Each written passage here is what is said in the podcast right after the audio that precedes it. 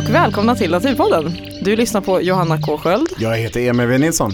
Och idag ska vi fortsätta vår följetong om naturvårdsengagemang. Kan vi säga. Mm. Och idag kommer det handla om Jan-Olov Björklund som har, eh, han håller på att restaurera ett skogsbete mm.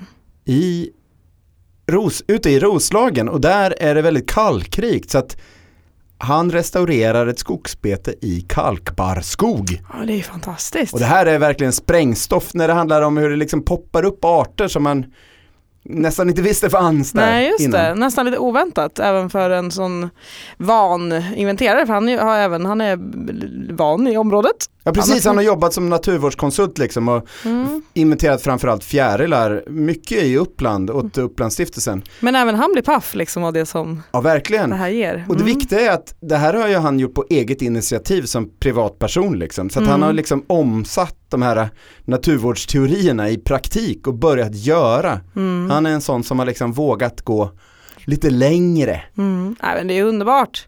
Så, så när träffade, du var där tillsammans med Danny eller? Ja, ja. visst, eller hur? Ja precis, vi var där i det jag brukar kalla början av juni men det var faktiskt Början av september. Ah, ja, att, bra eh, Danny. För sommaren tar aldrig slut. Nej, det är en regnig sommar vi har Ronja. ah, ja. Okej, okay, början av september. Ja, men då hösten var lite på ingång liksom så att eh, hur påverkade det eran lilla promenad där? Nej men det, det, var ju mycket svamp och det hade ju börjat regna en del så att de hade börjat poppa upp svamparna. Mm. För att innan var ju sommaren väldigt torr men sen, sen kom mm. regnen. Ah, ja men vad häftigt. Så hur länge har han hållit på med det här då i det området? Mm, det var nog sedan 2007 tror han säger i inslaget också. Ja just det. Mm. Mm. Nej men så jag tycker eh, Danny, eh, det gick inte helt spikrakt dit eller hur? Nej, vi tog lite fel väg faktiskt. Men vi hamnar ju på rätt ställe till slut. Mm. Så om man eh, sitter med ett par minuter in i reportaget så är vi i alla fall på rätt plats. Ja, så som ni hör så är det dags att vi drar igång så häng med ut i Roslagens famn. Nu ska vi ut till eh, Jan-Olof Björklund i Herräng och se vad han har gjort. Han har börjat skogsbete på skogar som inte har varit betade på ett tag i alla fall. Förutom historiskt då. Han är mannen från Dalarna som fastnade för Roslagens vackra natur och tyckte att det var dags att börja ta hand om beteshagar och ängar och skogsbetet. Nu kör vi! Det är jag och Daniel Schwerer som är på väg med en bil full av inspelningsutrustning. Vi ska spela in film åt Länsstyrelsen och så spelar vi in podd samtidigt. Vägarbeten gör att vi får köra en omväg. Det var en gång ett landskap format av bönder. Det var faktiskt inte så länge sedan som man kan tro. Då var skillnaden mellan åker, äng, betesmark och skogsmark inte lika knivskarp som idag. Skogarna doftade av nattviol och koskit. På vårarna göd ljudet från tjäderspel blandat med råmande kor tidiga morgnar. I Roslagen för knappt hundra år sedan fanns det bondskogar där man ibland tog lite timmer för att bygga med och lite ved för att elda med, men där kreaturen gick om sommarhalvåret. Skogarna där djuren betade var lätta att gå i. Det var gott om gläntor där det växte örter och gräs. I dagens naturskogar finns spåren fortfarande kvar av skogsbetet, men det ska vi prata mer om senare.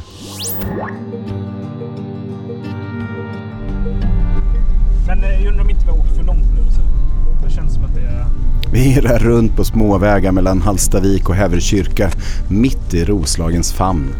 Du visste ja, alltså inte vart vi skulle? Jo men... Eh... Ja precis, det var vi, där. Vi skulle åkt den andra vägen. Var, ja det var visst det. Precis. Jag tror bara att det är invänster, det stod ju förbi. Det är väl en enskild väg där. Den går väl till hans Tror du inte det? Ja, just det. Så växlar Jo, säkert. Men det var väl säkert den hagen som gått förbi där. Som vi skulle till, eller? Det vet jag inte. Han har väl flera hagen. Vi kör genom halvöppna betesmarker med mycket hasselbuskar och hällmarkstallskog. Snart ser vi ett rött litet brygghus på höger sida. Sen kommer ett gult litet boningshus på vänster. Några höns springer över gårdsplanen. Längre bort kan man ana en laggård. En bil står parkerad på en sidoväg åt höger och där står ju också Jan-Olof Björklund själv. Kan jag stå där? Så gör vi.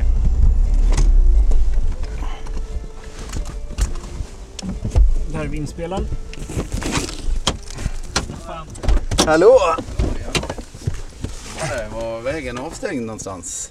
Ja precis, vi kom Hallstavikvägen och så fick vi köra mot Knutby. Jag förstod det nästan. Det, det slog mig här i morse att Jag De trodde göra- de där moderna GPS-grejerna visste om Ja. sånt. nej, de gör inte det tydligen. Hej i alla fall! ja, hej. Emil heter jag. Ja. Vi har ju pratat i telefon mest. Ja, precis. Ja. Så Och- det. Och så är det Danny här som sköter... Ja, ja. Utrustningen. Och eh, den här tänkte jag att vi skulle sätta på dig. Jaha, oj då. Mm. Det är en eh, myggmikrofon. Ja, just det. Ger bra ljud. Var har vi hamnat nu någonstans? I Västernäs i Roslagen. Västernäs i Roslagen. Finns det Ja, någonting i närheten som vi- folk kanske känner till? Ja, Herräng har vi ju då tre kilometer ungefär härifrån. Ja. Ligger ut emot, eh, det är ett gammalt gruv, gruvområde där ute. Ja. Och sen har vi då Hallstavik som ligger ungefär en mil härifrån. Ja. Så det ligger mellan Hallstavik och Herräng. Och utanför kusten har vi Väddö och Singö. Ja, stämmer i bra. närheten. Jajamän. Eh, och du har bott här i tio år Ja, precis. 2007. och eh, jobbat med markerna. Alltså du, Mm. du är djurägare också. Ja, det blev några fjällnära kor som håller uppe. Man kan ju knappast hålla på enbart med lie och det, det blir för mycket jobb så att eh, Ja. korna gör en stor nytta och i skogen går det ju inte alls utan kor. Om man nu ska restaurera ett skogsbete då. Ja. Och du har en bakgrund som eh, inventerare. Ja, jag har jobbat ett antal år framförallt åt Upplandsstiftelsen men även åt olika länsstyrelser. Ja. Inventeringsjobb. Ja. Och skogsbete i kalkbarrskog, är det någonting som du har hållit på med? Ja, det blev ju så då av en tillfällighet när jag köpte det här stället. Ja. Nu är det ju väldigt kalkrikt här så att eh, man får ju de här roliga svamparna. Taggsvampar och fingersvampar och Ja. väldigt massa olika ganska sällsynta arter. Vad, vad finns det för något som du skulle kunna visa oss idag? Ja, alltså vi borde kunna hitta koppartaggsvamp och Ja. violgubbe. Åh, Är violgubbe, farten. Ja. det, det vore ju jätteroligt att Ja, se. Alltså. den Det, har jag på ett ställe här. Det kan ha kommit upp en del nytt också. Nu kom det en rejäl skur här förra Ja. lördagen. Så de kommer ganska fort de här svamparna. ja, vi hoppas på det. Det har ju varit ruggigt topp tidigare i Mm, det har sommar. varit jag har ju raggtaggsvamp här också. Men Ja. den, den, den kommer inte varje år. Men jag har en häxring där den brukar komma. Okej, ja. Du kan ju gå och titta vi där. får spana lite Ja, extra. spana. Och vad skulle du säga är den stora fördelen naturvårdsmässigt med skogsbete? Vad är, vad är det för organismer som gynnas mest? Ja, det är ju framförallt de här svamparna. Ja. Kalkbarrskogs. Men även andra orkidéer. Och, jag har ju sett här uppe i skogen så sårläkan hade jag några enstaka ja, individer av från början. Men det är marktäckande på vissa ställen. det är så? Ja. ja. Stålläka är en liten flockblommig växt, alltså släkt med hundkex och kummin till exempel. Och den är lätt att missa. I Uppland finns den framförallt utåt kusten på kalkrik mark, i mullrika miljöer som lövskogar och örtrika granskogar, som på Janne Björklunds mark. Bladen påminner lite till utseendet om vitsippeblad men de är tjockare, har liksom samma textur som blåsippans blad. Frukterna där fröna finns är fyllda med krokar och de är anpassade till att fastna i djurpäls för att spridas. Det är alltså inte en slump att sårläkaren trivs på Jannes skogsbete där hans fjällnära kor kan sprida dess frön. Det, det går ganska fort att, att det hämtar sig. Ja. Det, det märker man ju. Så sårläka, några olika orkidéarter Ja, det- och sen eh, de här eh, kalkbarrskogssvamparna. Jajamensan, Ja. så är det. Jag hoppas vi att vi får syn på lite av det här idag. Att vi Någonting- kan gå och titta. Någonting bör vi kunna hitta tycker jag. Ja, på riktigt. Ja, Vad spännande. Är det långt att gå? ja det är några hundra meter. Nej, men inte mer. Nej, det är ju den här gamla, vi kallar den för kyrkstigen, men en del Ja. säger att det är ingen kyrkstig, men det är en historisk väg det här som finns med på de här kartorna från, från laga skifte och de historiska kartorna. Så att den här har man ju använt i. Vilken kyrka är det då? Men... Ja, det var väl Häverö kyrka då som, Ja. som gällde på den tiden. Det, och den här vägen gick ut då till ett ställe som heter Valmar. Ja. som eh, var ju en gammal, gammal gård. Häverö är kanske en del som känner till för där, det är väl eh, nordöst om som Häverö prästäng ligger? Ja, just det. Jo. Så det är ju kyrksocknen är ju här då. Det är Häverö. Ja. Det är ju känt i Uppland i alla fall för sina orkidéer. ja, verkligen. Jo, så nu är det ju problem med grisar där som gräver. Vildsvinen är Ja, just det. Det har jag hört. bedrövliga där. Vi är på väg mot Jannes skogsbete, men innan dess finns det så mycket att se. På vänster sida ser vi till exempel en öppen betesmark nu.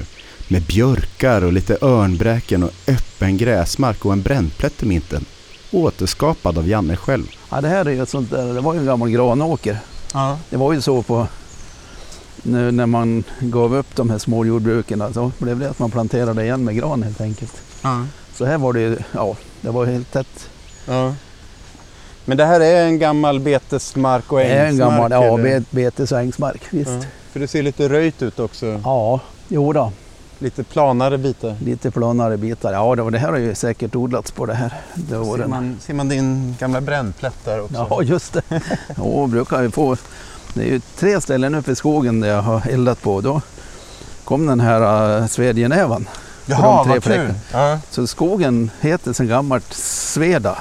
Jaha, Som, som var det väl, kanske är någon gammal bränn... ja, de brände och det var ju de här bruken runt omkring behövde ju mycket Ja. kol också. Så, att, så de hittade väl, Det är nattviol eller? ja precis, jo. Men när du väljer Alltså vad du ska ha skogsbete på och vad du röjer fram som mera öppen hage och Ja, eh, alltså, sådär. Hur, vad går du på då? nej, man ser ju ganska väl då när man väl, för här var det ju också väldigt tätt så man, från början såg man ju inte riktigt vad som, som, som var, var så att säga skog i egentlig mening. Men det, det, det syns ju när man får, får upp Ja, markerna att det får ju en helt annan eh, skiktning av skogen. ja. Gamla träd och Men du är inte en sån där som, som, som har tittat mycket på historiska kartor och ja då, det har vi gjort. det, det har du använt också? Ja, Ja. jo då. Jag har haft hjälp av Tommy Lennartsson med det. Tommy Lennartsson? Ja, han är duktig på den biten också. Så att, eh, Tommy Lennartsson, han jobbar både på Upplandsstiftelsen och på Centrum för biologisk mångfald. Jag heter Tommy Lennartsson, arbetar som forskare på Centrum för biologisk mångfald på SLU och som naturvårdare på Upplandsstiftelsen. Eh, med skötsel och restaureringsfrågor i kulturlandskapet. Eh, särskilt intresserad av historiska perspektiv på naturvård och naturtyper och arter. Det han jobbar med kallas biologiskt kulturarv. När människans aktiviteter lämnat spår efter sig i form av levande varelser eller i spår på levande varelser. Begreppet biologiskt kulturarv bidrar till att synliggöra den del av människans historia som kan utläsas i växter och djur. Det bidrar också till att synliggöra hur människan skapat förutsättningar för biologisk mångfald och hur fortsatt brukande behövs för att bevara den här mångfalden. Det kan vara genom skogsbete till exempel. Eller annat bete eller genom ängslotter eller ja, massa saker. så vi har ju kikat på det. Men här ser man ju gamla diken och så. Ja, precis. Och tittar man då på de historiska kartorna så sen, sen är det ju mera sk- skogligt innanför. Ja. Men det finns ju små, små ängar och sånt som man kan se på de historiska kartorna. Att Ja. man röjde fram. Man använder så mycket som möjligt naturligtvis ja. För att få in Och mera små... vinterfoder. mi- mindre skala på allting än Ja, vad, jo, vad det är idag. ja, men visst det är ju det som är grejen. Det känns som man slog allting som gick att slå. Ja, det även var ju dik, småfläckar. dikesfläckar och allting alltså. Ja. Jag vet eh, grannen här då som är uppväxt här på gården. Ja. Eh, han är här ofta, gan- ganska ofta och hälsar på. Ja. Han har stugan ovanför. Och ehm, där gick ju korna Ja. till för, ja, ända in på 60-talet. Ja. Så han har fotat mycket. Det är mycket kort, ja, historiska foton härifrån som han har tagit från ja, 40-talet kanske. Så det är spännande. Man kan ju se hur det såg ut egentligen. Ja. För att det var mycket alltså, foton ute i, i, i, naturen och det är ju inte så vanligt att man hittar sånt. Det brukar ju Nej. mest vara uppställda Framför byggnader. familjer. Ja. Nej men så han har ju kunnat berätta. Så han berättar ju det här med hur man tog tillvara allt hö. Så att slarvade en sån, då, då fick man skäll av, av farbrorn. Det här är en munfull till en ko det här. Ja. ja men titta, ja, men idag är det ju nästan gräsmattorna som har tagit över det där. För att, Ja, eh, jo. nu, nu får man inte lämna gräsmattan oklippt men det är helt okej om resten växer igen Ja, då runt får man grannarna på sig. Ja. Bara, det var ju lite spännande att titta på vad som växer här runt omkring också. Ja. Det är väldigt mycket natt och dag. Och, Ja, jo det är, är det rödklint det här? det är rödklint också. Och sen, eh. Kungsmynta är det ganska mycket. Ja, precis. det. Det skiljer ju Mm. Kungsmyntan från eh, Uppsala-trakten så är Nej. inte den så vanlig. Nej, Natt och är dag ju- finns ju på en del ställen Ja. runt Mälaren. Nej och det, det är slåtterfibbla ganska mycket uppe i skogen här. Ja, och så är det, är det skogsknipprot som står i Ja då. frukt här. Ja, Ja, vad roligt. Det är, det är så himla mycket mer. Det är mer här. Ser man direkt även om ja, vi knappt jo, liksom... det, är, det är ju artrikt alltså. Det, Mm. det är det visst. Och det här är också en, en gammal åker som, som var väl helt igenväxt när vi kom hit. Ja. Som jag har haft korna på den ungefär ja, fyra, fem år kanske. Nu har det öppnat sig en öppen mark med några granar till höger. Ett grunt dike följer vägen bortåt. Det ser ut som en gammal åker. Gräsfålen är alldeles för jämn för betesmark. Lite längre bort finns några hällar med stora stenar på som ligger i rad. Det ser örtrikt ut.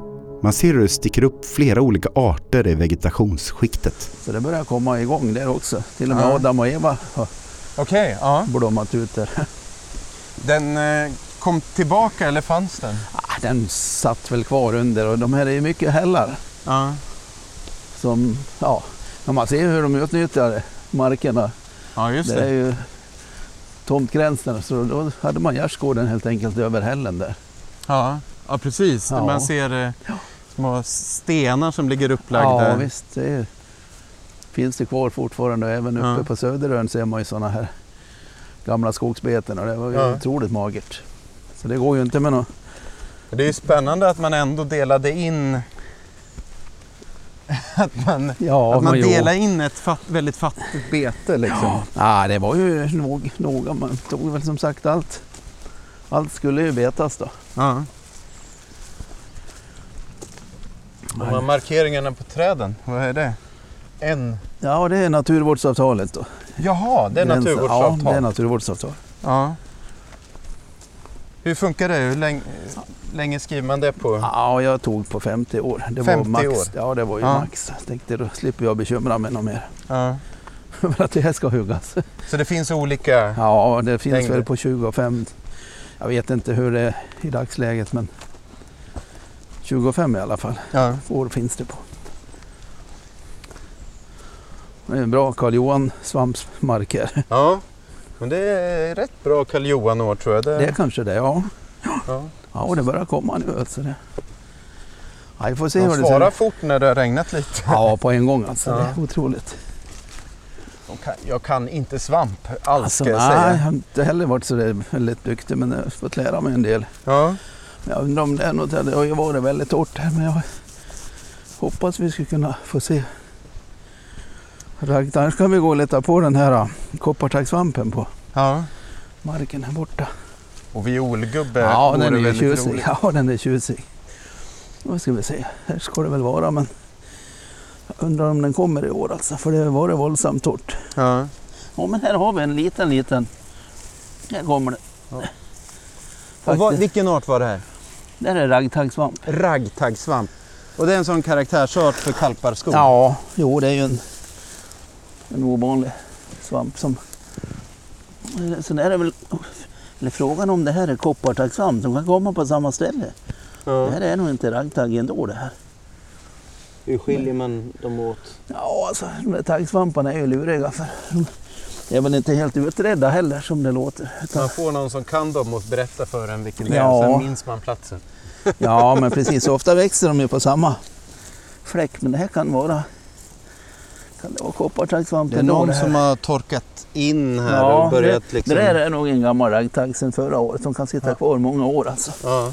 Ja, det är det Själva frukt... Det är en kotte. Ja, det var en kotte. Själva fruktkroppen kan alltså... Ja, det, kan, ja, det är nog koppartaggsvampar. Ja. Men det är också en kalkbarrskogssvamp Ja. så att Men, eh, Men det tror du vi kanske hittar någon snyggare? ja, men det har vi finare där Ja. borta. På, om vi går, går över till, till violgubbarna. Det finns ju här uppe också men nu har ju korna gått här så att det kan ju bli lite söndertrampat då. Ja. Men jag vet ju var de sitter på det andra stället så att vi, vi Men de oss. äter inte svamp utan Nej, det bara det gör de inte. Det. olycksfall i arbetet? Ja, men precis. Nej, verkar inte som de knaprar på några svampar inte. Nej. Nej, det blev nog inga i år som sagt på grund av torkan. Nej, så det här var ju väldigt gammal skog på det här skiftet som högst tyvärr. Ja. Det var ju lite synd. Jag hann inte på. Jag försökte prata med markägaren men då var det redan sålt Ja. till Holmen.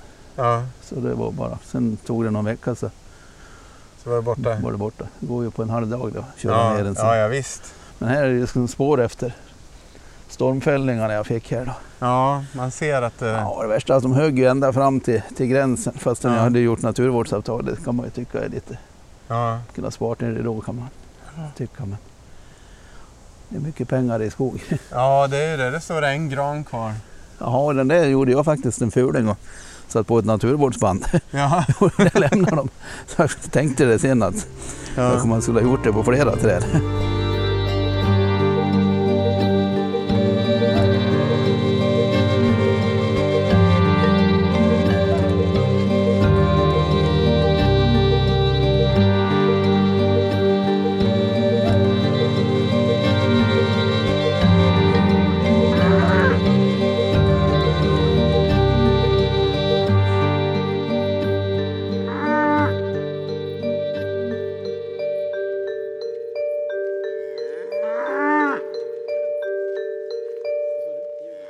Här växte det faktiskt kattfot Okej. när Ja. jag kom hit. Men den, den har försvunnit. Jag vet inte vad det berodde på för någonting. Men det var precis efter stigen här. ja.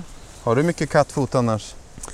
Ja, jag har fläckar som håller på att sprida sig. Ja. Så att eh, jag tror kan jag ha 16-17 fläckar. ja. Ja. Är det smultronvisslare som går på den eller vad är det? Ja, det gör det nog. Sen är jag en hel hög med små fjärilsarter som är knutna till kattfot. Ja. Och De är rödlistade hela gänget. Ja. Det finns inte tillräckligt stora bestånd med kattfot längre helt enkelt. Så de har ju, ja. de har ju minskat våldsamt. Men det är inte kalkbarrskog, så det är ingen kalkbarrskogsart? Nej, det är det inte. Men den sitter ju i kanten där nere. Ja. Så det är lite roligt just där jag började röja. Det, där hade jag hasselsnok för något år sedan. Jaha, där ser man. Ja, jag har sett den i år också på ett ställe efter, efter, efter vägen här ute. Då. Ja. Så den, den är stadig här. ja. Hur långt upp går hasselsnok? Jag vet, jag vet inte. Det är nog hit i princip. Ja. Väddö är den mest känd ifrån också. Ja. Fakta om hasselsnok. Den är listad som sårbar i rödlistan, finns längs med ostkusten upp till Väddö som sagt och sen finns den också på västkusten. Igenväxtning och igenplantering av gamla ängs och hagmarker är ett stort hot mot arten. Så den hassesnog som bor på Jannes mark har verkligen tur som får bo hos en naturvårdsentusiast. Men nu har Janne fått syn på en spännande svamp.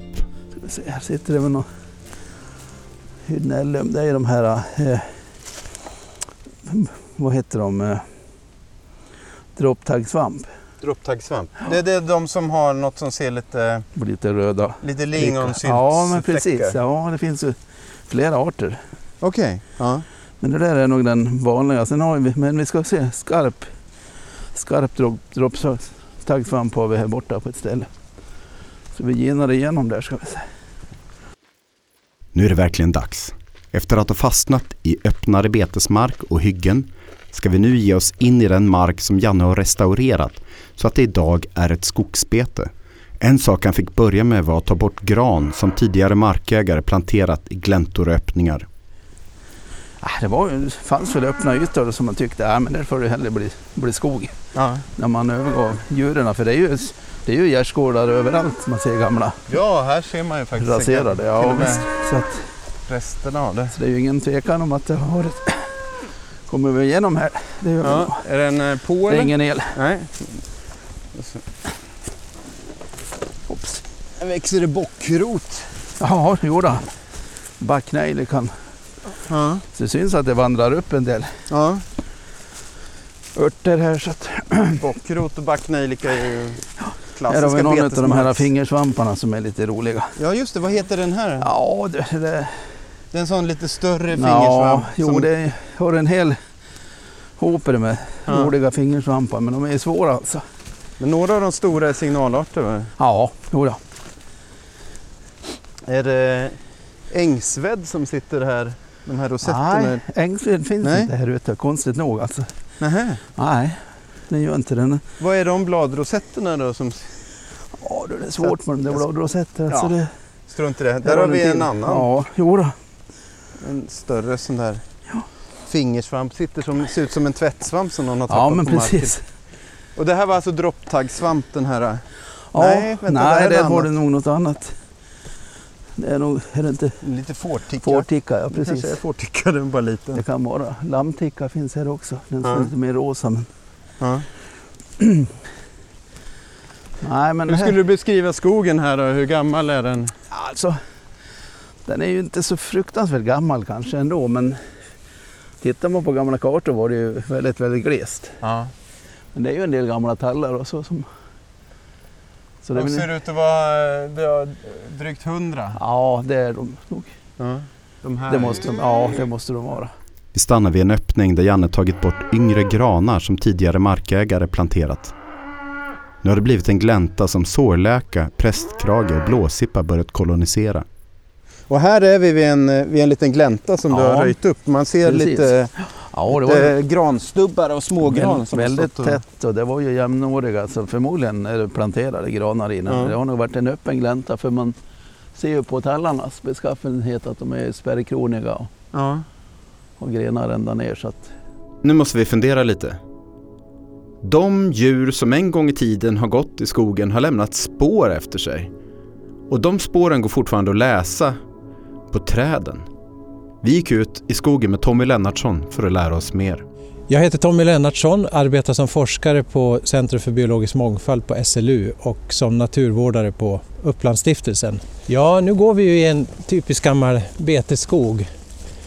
Eh, den har inte varit betad på några decennier den här, ganska många decennier. Men eh, den, man ser fortfarande många spår efter eh, hur det såg ut när det var betat. Ja. Vad, vad, är, är det någonting generellt liksom som, som gör att man ser? Ja, det är några saker direkt här. Eh, till att börja med ser man att de äldsta träden det är ju gamla tallar. Ja. Om man tittar sig omkring. Väldigt Och mycket tall. det är mycket tall, ja. Och eh, de här tallarna ser man också att de har väldigt mycket grenar. Grenar långt ner på stammen också. Och det är en typisk indikation på att det har varit eh, ljust när de här växte upp. De stod alltså i en mycket glesare skog.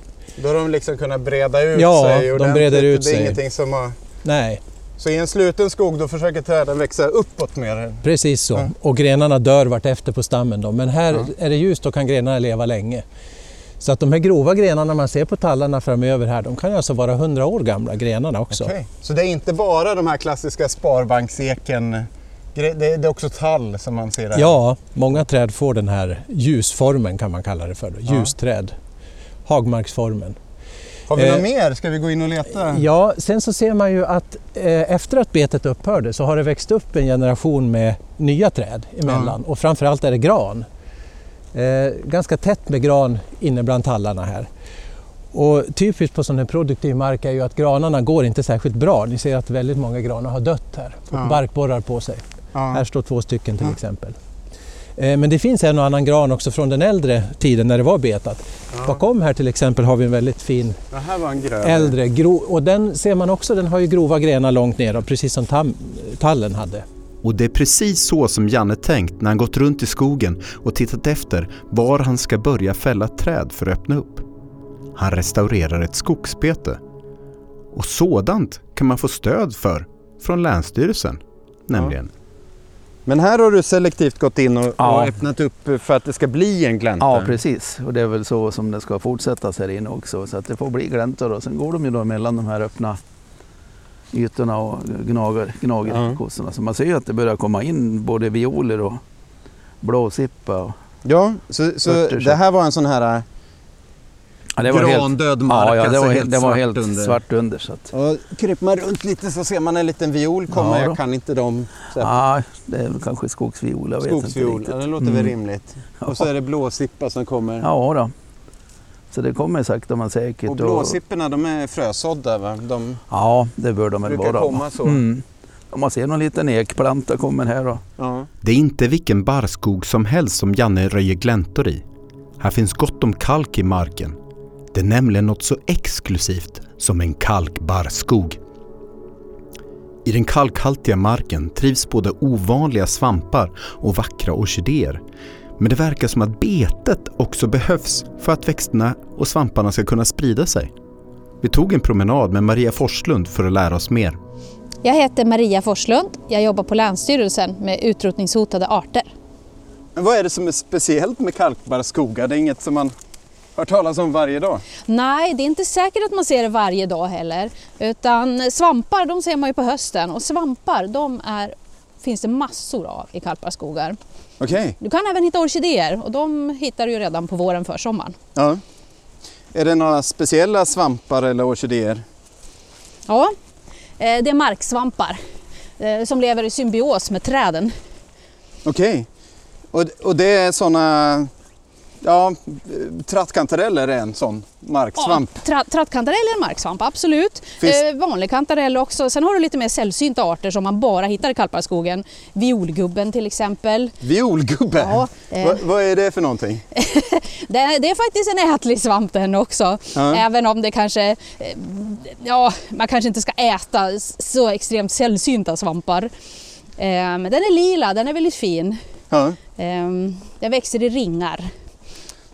Och eh, orkidéer sa du, är det några Mm. speciella orkidéer som finns? Ja, till exempel guckusko, korallrot. Eh, Det finns väldigt många. Jag var i en kalkbarrskog där vi hittade 11 stycken orkidéer en dag. Alltså olika El, sorter. elva olika arter? 11 olika sorter, ja. Det är jättemånga. Mm. Guckusko, det är den här stora gulblommiga orkidén med Ja, jättestora otroligt blommor. tjusig. En korallrot, den känns lite mera... Har en väldigt Anonym. liten. Den som man hittar när man knyter skosnörena typ. Ja. Tillbaka hos Janne så är det kanske inte orkidéer som är de första som koloniserar marken, som granarna tidigare skuggade, med flera andra växter som annars brukar växa i betesmarker. Det är jättespännande att följa upp sådana här ytor som har varit som sagt helt grandöda. ja. Men är det typiskt för skogsbeten eh, som har funnits länge att det är liksom Det är ju lite hagmarkskaraktär på vissa fläckar? så det är ju alltså? lång kontinuitet då. Som, Ja. alltså det, sen är det ju ett avbrott då, Ja, under ett antal år sedan 60-talet ja. som det har fått växa igen helt enkelt. Men det finns ju säkert en fröbank och även småplantor under som, som ja. tar fart när, ja, när ljuset kommer in. Och man ser ju under, alltså gran är bra på det viset. Får man väl bort granen bara och sen lite störning så det kommer väl en massa örter på en Ja. gång som, ja. och inte blir det något rotskott heller. Så att, Nej precis, men det gäller framförallt i sån här mark där det är mycket kalk va? ja, det För då, vet då, ja. då kan de inte sura Nej, men exakt. mycket. Nej då, det, det, det tar ju sig väldigt fort. Alltså, så Ja. att man ser ju just här att det är en del olika örter som till och med prästkrage. Ja, men, ja, vart har du den? Ja, det var en liten Här borta? Ja. någonstans. Gullviva har vi Ja, här. jag. här har du väl prästkrage. Ja just det, här är prästkrage. Den har varit uppe och blommat i år Den har också. blommat till och med, Ja. jajamän. Sen har det kommit någon, någon och gnagt lite på den Ja, kanske. jo det är nog risken det. Ja, lite fingerörter och så. Så, att, Ja. så det tar ju sig väldigt fort alltså. Brudbröd har vi ju här också. Faktiskt. Det där kommer brudbröd ja. Ja, så man får nog ihop några arter med. Titta, ja men det Fjällväxter. börjar ju kunna klassas som hagmark liksom. Ja, det kommer att bli det. Ja. Och som sagt, eh, sårläkaren har ju, den är ju mer inne i den lite tätare skogen. ja. Går det att se någonting av solläkare Ja, då, den går att se. Ja. Här har vi smultron. Titta, ja. Det är backsmultron Det är backsmultron, ja. som det ska vara. Ja, exakt. Nej, här det, ser man också att trampet och Ja. mossan, att de oh, ja, men trycker bort mosstäcket. Liksom. det är det det gör. Det blir ju, har ju blivit mindre med trattkantareller då, men det kan man ju stå ut med. Ja, Finns ju på andra håll. får, får ta violgubbe istället. Ja, det är bättre det. Ja, men vi kan ju promenera igenom. Här är ju liksom ett ganska trevligt parti. Så kommer vi ut ner mot där vi gick in i skogen. Den här stigen, är det, är det korna som har... Ja, det är korna som... Ja, för att den här stigen ser ju ut som en nära på anlagd Ja. eh, vandringsstig. Alltså ja, ju, jo, det är fantastiskt trevligt. Jag kan säga att den är ju minst lika stor som Kungsleden vid Ammarnäs. Jaså, ja, ja. Här ser man korna har varit på också. Ja, han varit nere på, det är en ja, hassel de som de har ner, bryter ner. ner dem och Ja. knaprar på, på löven. Och sen ser man ju att blåbärsriset här är ansatt. Ja, visst. Jo, de går och gnuggar i sig. Och det kanske är framförallt sådana här torra år som Ja, tar, tar det är det nog. knockar. Här är ju sån här yta som jag ska röja bort de här granarna. Ja. Så man Det är får, en yta med lite yngre granar och sen Ja. lite hassel ja, runt omkring. det är ju det. Man ska ju ge sig på de här äh, jämnåriga bestånden som är... Ja, man, man, man tar bort just de här verkar ju vara ungefär samma årgång. Så det är en strategi du Ja, har, för då jo. tänker du att det är i samband med att man slutade beta marken? Eller? Ja, Är det sannolikt. så du resonerar? Precis. Men här har jag varit väldigt försiktig. Det här tog man bort. Här fick jag ingen, in, ingen ersättning för skogsbete i och med att det är så tätt här. Men Ja. samtidigt så hugger jag det här och jag är rädd att stormen kommer brer, Ja. nord, nordvindarna kommer. Nu är vi ganska nära hygget Ja, här borta. Det är ju det. Men nu Man börjar det anar ju, det en bit bort. förhoppningsvis så kommer det att, att växa upp nu då så att det blir ett litet skydd. Här då, vad har vi här? Och koppartaggsvampen är i farten i alla fall. Koppartaggsvamp är klassad som sårbar på den svenska rödlistan. Den finns framförallt i de östra delarna av Mellansverige. Om vi förstått det hela rätt så finns den bara i Sverige, Norge och Finland, i hela världen. Och här är den hotad, framförallt av kalhyggesbruket. Det är riktigt rejäla stigar faktiskt. Ja, jo de, de trampar upp ordentligt alltså. Ja. Många är ju rädda för att släppa ut kor på skogen. De tror ju att skogen tar väldigt skada. Då, men det är klart att de kanske trampar lite grann på, på trädrötterna. Ja. Det jag men här har du, här har du violgubbar. Ja, titta. Där är de ju viol också. Ser du? Men de där är ju Ja. lite... De var inte jättefina. Den där var Nej. ju lite större i alla fall. Ja, de här har väl stått ett tag. Ja. Violgubben är en sällsynt släkting till kantarellen som bara växer i kalkbarrskogar. Den finns bara på 800 platser i landet och de flesta av dem ligger i Uppland. Violgubben finns också från Frankrike i Europa till östra Asien och västra Nordamerika. Den har blivit lite av en kändis eftersom den har en ljuslila till brunlila färg och det är inte helt vanligt i skogarna. Själv kunde jag ingenting om koppartaggsvamp innan vi åkte ut till Janne. Men violgubben hade jag hört talas om tack vare Länsstyrelsens åtgärdsprogram för hotade arter. De har nämligen gett ut en kortlek där violgubben är med. Jag tror vi har den på Biotopia. Och det är en sån där yta där. Du har ju massa taggsvampar också. Ja. Sen, här hade jag den här äh, ovanliga äh, gräddfingersvampen Okej. från början. Det var ju nästan ja, ett av de första fynden i, i Sverige utav den här. Gräddfingersvamp. Ja, de hittade den uppe i Östhammar på en sån där kalkbarrskog där det är väldigt många arter utav de här ovanliga kalkbarrskogssvamparna. Ja. Gräddfingersvamp kallas också fjällfotad fingersvamp och är mycket sällsynt i Sverige.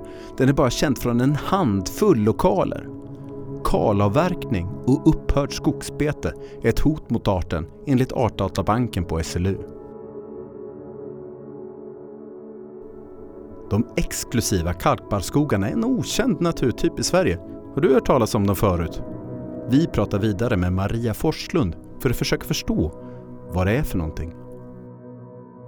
Men var i Sverige hittar man kalkbarrskogar? Finns de överallt eller? Du kan titta på jordartskartor och berggrundskartor vart du har kalk. Ja. Eh, Gotland till exempel, där har du ju, Ja. hittar du en barrskog på Gotland så är det stor sannolikhet att det är en kalkbarrskog. ja. Och det, Eh. det kanske man kan gissa, men, men på fastlandssverige, där kanske det är lite lurigare. Ja, där får du kika på berggrundskartan vart det kommer upp grönsten i, i marken.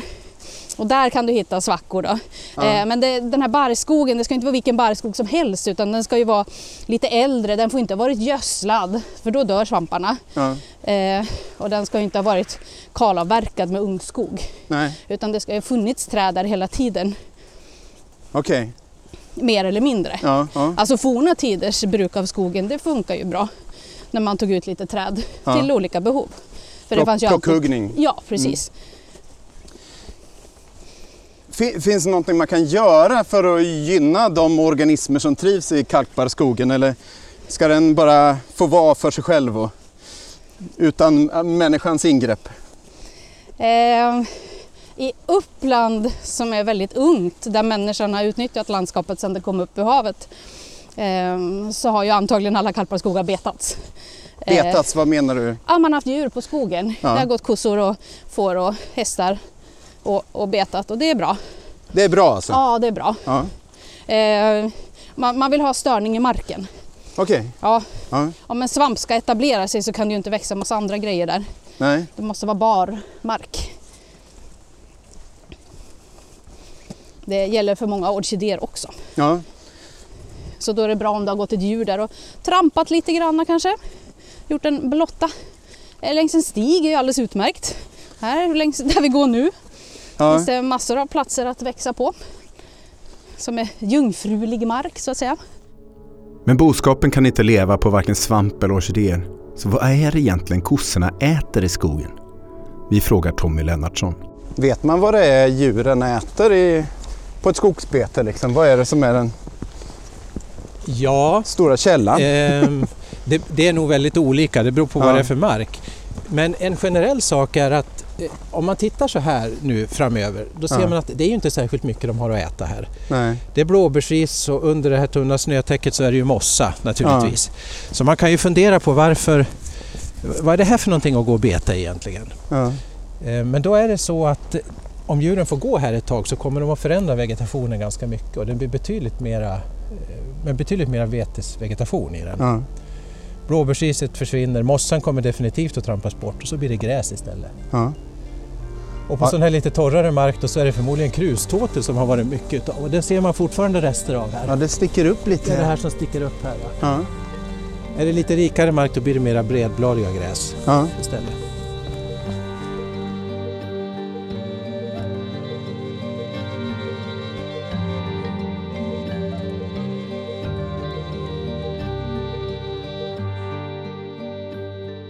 Ja men wow vad fint. Eh, häftigt att en sån här person får någonting sånt här att hända och att också liksom följa det under en längre tid och se den här förändringen. Ja, jag undrar hur många som förstår hur mycket sådana här ideella initiativ det är som blir liksom spjutspetsarna i naturvården. Mm, ja. Det, det är liksom staten tar inte det ansvaret, kommunen tar inte det ansvaret. Vad utan händer när de slutar liksom? Det behöver ju få fortgå. Någon Ja. behöver ta vid. Så är det ju absolut. Mm. Eh, Men Jannes marker kan ju, när de väl har de här kvaliteterna Mm. som han skapat egentligen, Mm. genom att restaurera markerna på det här sättet. Just det, det är då de kanske får ett värde eller då man får upp ögonen för dem. Ja, då precis. lite... Så då, har ju, då är ju staten där. Ja. Jag menar Länsstyrelsen är ju jätteimponerad över hans marker. Mm. Det, Mm. det, det är ju halleluja-stämning liksom när de pratar om honom. Just det. Mm, ja men det är ju, Med- med och det är ju bra, precis, Mm. det är jättebra. Mm, men är man, alltså var man vet- medveten förr om det, skogs, vad skogsbete faktiskt gjorde? Tror du Nej. För den biologiska mångfalden? Nej men det klassiska är ju tvärtom ja, Men när okej. jag tar naturvården för hundra år sedan, Mm. då skulle man ju ta bort människan och hennes kreatur från naturen. Det det. är ju det som är Vårdsätra naturreservat i södra Uppsala. Mm. Sk- 1913 bildades det. Mm. Då bara bort med djuren och människan, nu ska naturen få klara sig själv. Vad hände? Det växte igen. Nej det var liksom. bra. Nej, Man förlorade de växter som man skapade naturreservatet för. Mm. Samma sak med dioramerna här på Biotopia. Man, man ser liksom rester av människan, det är lite så här postapokalyptiskt. Det är så här Mm. En gärdsgård som har rasat igen. Mm. Men man, så att, så att man, man- ger liksom intrycket av att här har naturen tagit över, då blir det Just mycket det. bättre. Mm. Men, Men så är det ju inte, det är tvärtom. till. Vi är en del av det hela. Och Ja, i behöver- kulturlandskapet, så länge man inte snackar om Norrlands inland liksom. Mm. Mm. skogarna där, så, så är det, ja, och det är också ett kulturlandskap, eh, jag vet det, men på ett annat sätt liksom. Mm. Men det är inte mera intensivt brukade landskapet i, i, den södra delen av landet i alla fall. Mm. Där, är ju, där är ju liksom människan och hennes boskap har ju varit avgörande för den, för den biologiska mångfalden. Ja. Och det är inte, eller jag tänker, det, behöver inte, det behövs inte vara så många djur. Hur många kor var det han hade? Man hör dem Ja, han har väl, eh, jag vet inte om han har, om det var fyra kor och, och två, tre kalvar och sådär. Mm. Ja, i den. Och det är fjällnära boskap han har. Mm, just det. Mm. det är ju lantrasen då. Mm. Så folk brukar säga fjällko. Mm. Men det finns fjällko och så finns det fjällnära ko och fjällnära ko är lantrasen. Så den är ännu mindre än fjällko. Just det. Mm. Ser ut som en vanlig ko på korta ben. Mm. Tänk vad de bidrar med alltså utan att veta om det. Eller så gör de det. Ja, de är så jävla tuffa. De kan ju leva på luft liksom. Ja. De, behöver, de, de, kan bara gå där och beta luft och så klarar de sig. Ja. Nästan. Ja. Um, men och det här har han tänkt fortsätta med förstås. Det är liksom ja. Ja, det, mm. det, han är pensionär nu. Han gick, tog pension, gick i pension ganska tidigt. Mm. Eh, Janne, för att han såg att det var så många runt omkring honom som dog helt enkelt. Så att han ville ta vara på, på livet här. Okay. Så kommer han gå mm påta jorden höll jag på att säga, men påta i, gå och ta bort granar i, mm. på skogsbetet och ja, hålla den, ängar öppna. Och... Mm. Den tidigare markägaren hade planterat mycket gran och så såklart. Ja, det var så man, man gjorde. Ja. Det var ju uppmanat av staten. Liksom. Ja, just det. Johanna, vet du vad som händer i framtiden?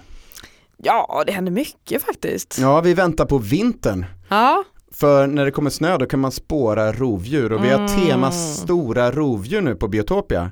Man kan komma hit, trycka, trycka spårtryck på tröjor så att man aldrig glömmer hur en vargtass eller lodjurstass ser Nej, ut. Så när man mm. kommer ut i snön så behöver man kolla på t-shirten. Mm. Man känner igen det, det finns lite filmer och sånt. Mm. Eh, vi har en rovdjursshow där man liksom går igenom de här olika grejerna på tio minuter. Liksom, hur känner man igen lodjursspår, vargspår, mm. björnspår? Mm. Får man kolla på lite tassar och känna på pälsar och mm. sådär.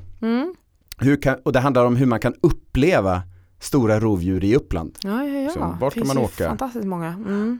Uh, och sen ska jag också hinta om att det kommer bli två spårutflykter i början av februari. Jag mm. berättar det redan nu för de brukar bli fullbokade. Mm. Så i mån av snö så drar vi iväg eh, på en lodjursutflykt. Mm. Och vi gör nog en vargutflykt oavsett om det kommer snö eller inte. För mm. de kan man hitta skit av också.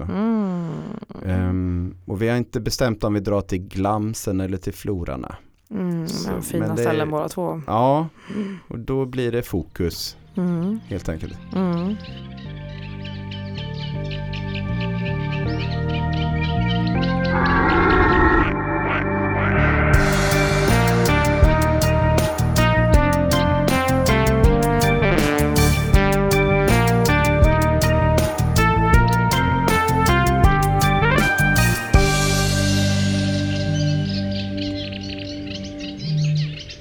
Ja men tack så mycket Emil. Ja men tack själv. Vet du vad? Nej. Jag har spårat en lodjurshona med två ungar. Nej vadå? I närheten där du bor? Eh, mm, kanske det. Så att eh, det vi, det, vi får nog köra ett lodjursavsnitt i vår också så att jag får mm. tid att vara ute och hänga i mm. markerna. Mm. Det är bästa Din lodjursföljetong, den, den har ju ett antal avsnitt på nacken ja, nu. Så den, ja, vi har inte gjort så många avsnitt, mera jag som varit sagt att jag varit ute och spelat in podd. Eh, Men eh, det här är faktiskt bästa chansen på länge. Det var länge sedan det var en föryngring i ah, närheten av mig. Wow. Så det ger lite hopp eh, mm. om att kunna uppleva lodjur mm. utan att mm. störa mm. katterna. Mm. Om man vill följa Naturpodden, hur gör man då Johanna? Då kan man följa oss på Twitter. Instagram kan vara väldigt trevligt. Eh, Facebook. Hmm. Det stämmer jättebra. Mm. Och om man vill kontakta oss, vilken adress ska man använda då? Då är det naturpodden at gmail.com. Det stämmer Så jättebra. Så överös oss med mail. Det, mm, det vill vi. Och vi ska tacka Janne Björklund så jättemycket. Det var fruktansvärt roligt att få komma ut och se detta berömda ställe. Eller hur Danny? Det var ju hur coolt som helst. Jag måste komma hit så man kan prata om det. Det var riktigt, riktigt fränt att se hans väldigt, väldigt fina pittoreska marker. Ja, det var grymt kul. Vi vill också tacka Maria Forslund från Länsstyrelsen i Uppsala län och Tommy Lennartsson från CBM och eh, Upplandsstiftelsen. Tusen tack alla som jobbar med naturvård kan jag trycka in också. Och om nu alla som lyssnar köper sig en bit mark, skaffar några kor och vässar lien så kommer det nog gå bra för människan i framtiden. Och då kommer vi dit och spelar in någonting med er. Ja, och sen går det ju jättebra att äta nötkött från den här typen av marker. Eh, men man ska ju inte köpa utländskt nötkött, eller hur?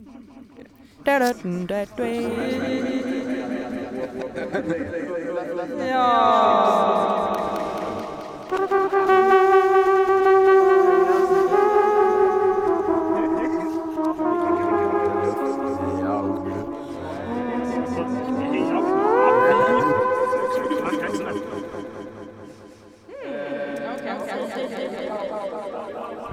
Största snällt öppar sitt nyexamen. Eh, Reklamar bestämmer största att det år betyder så. Oj.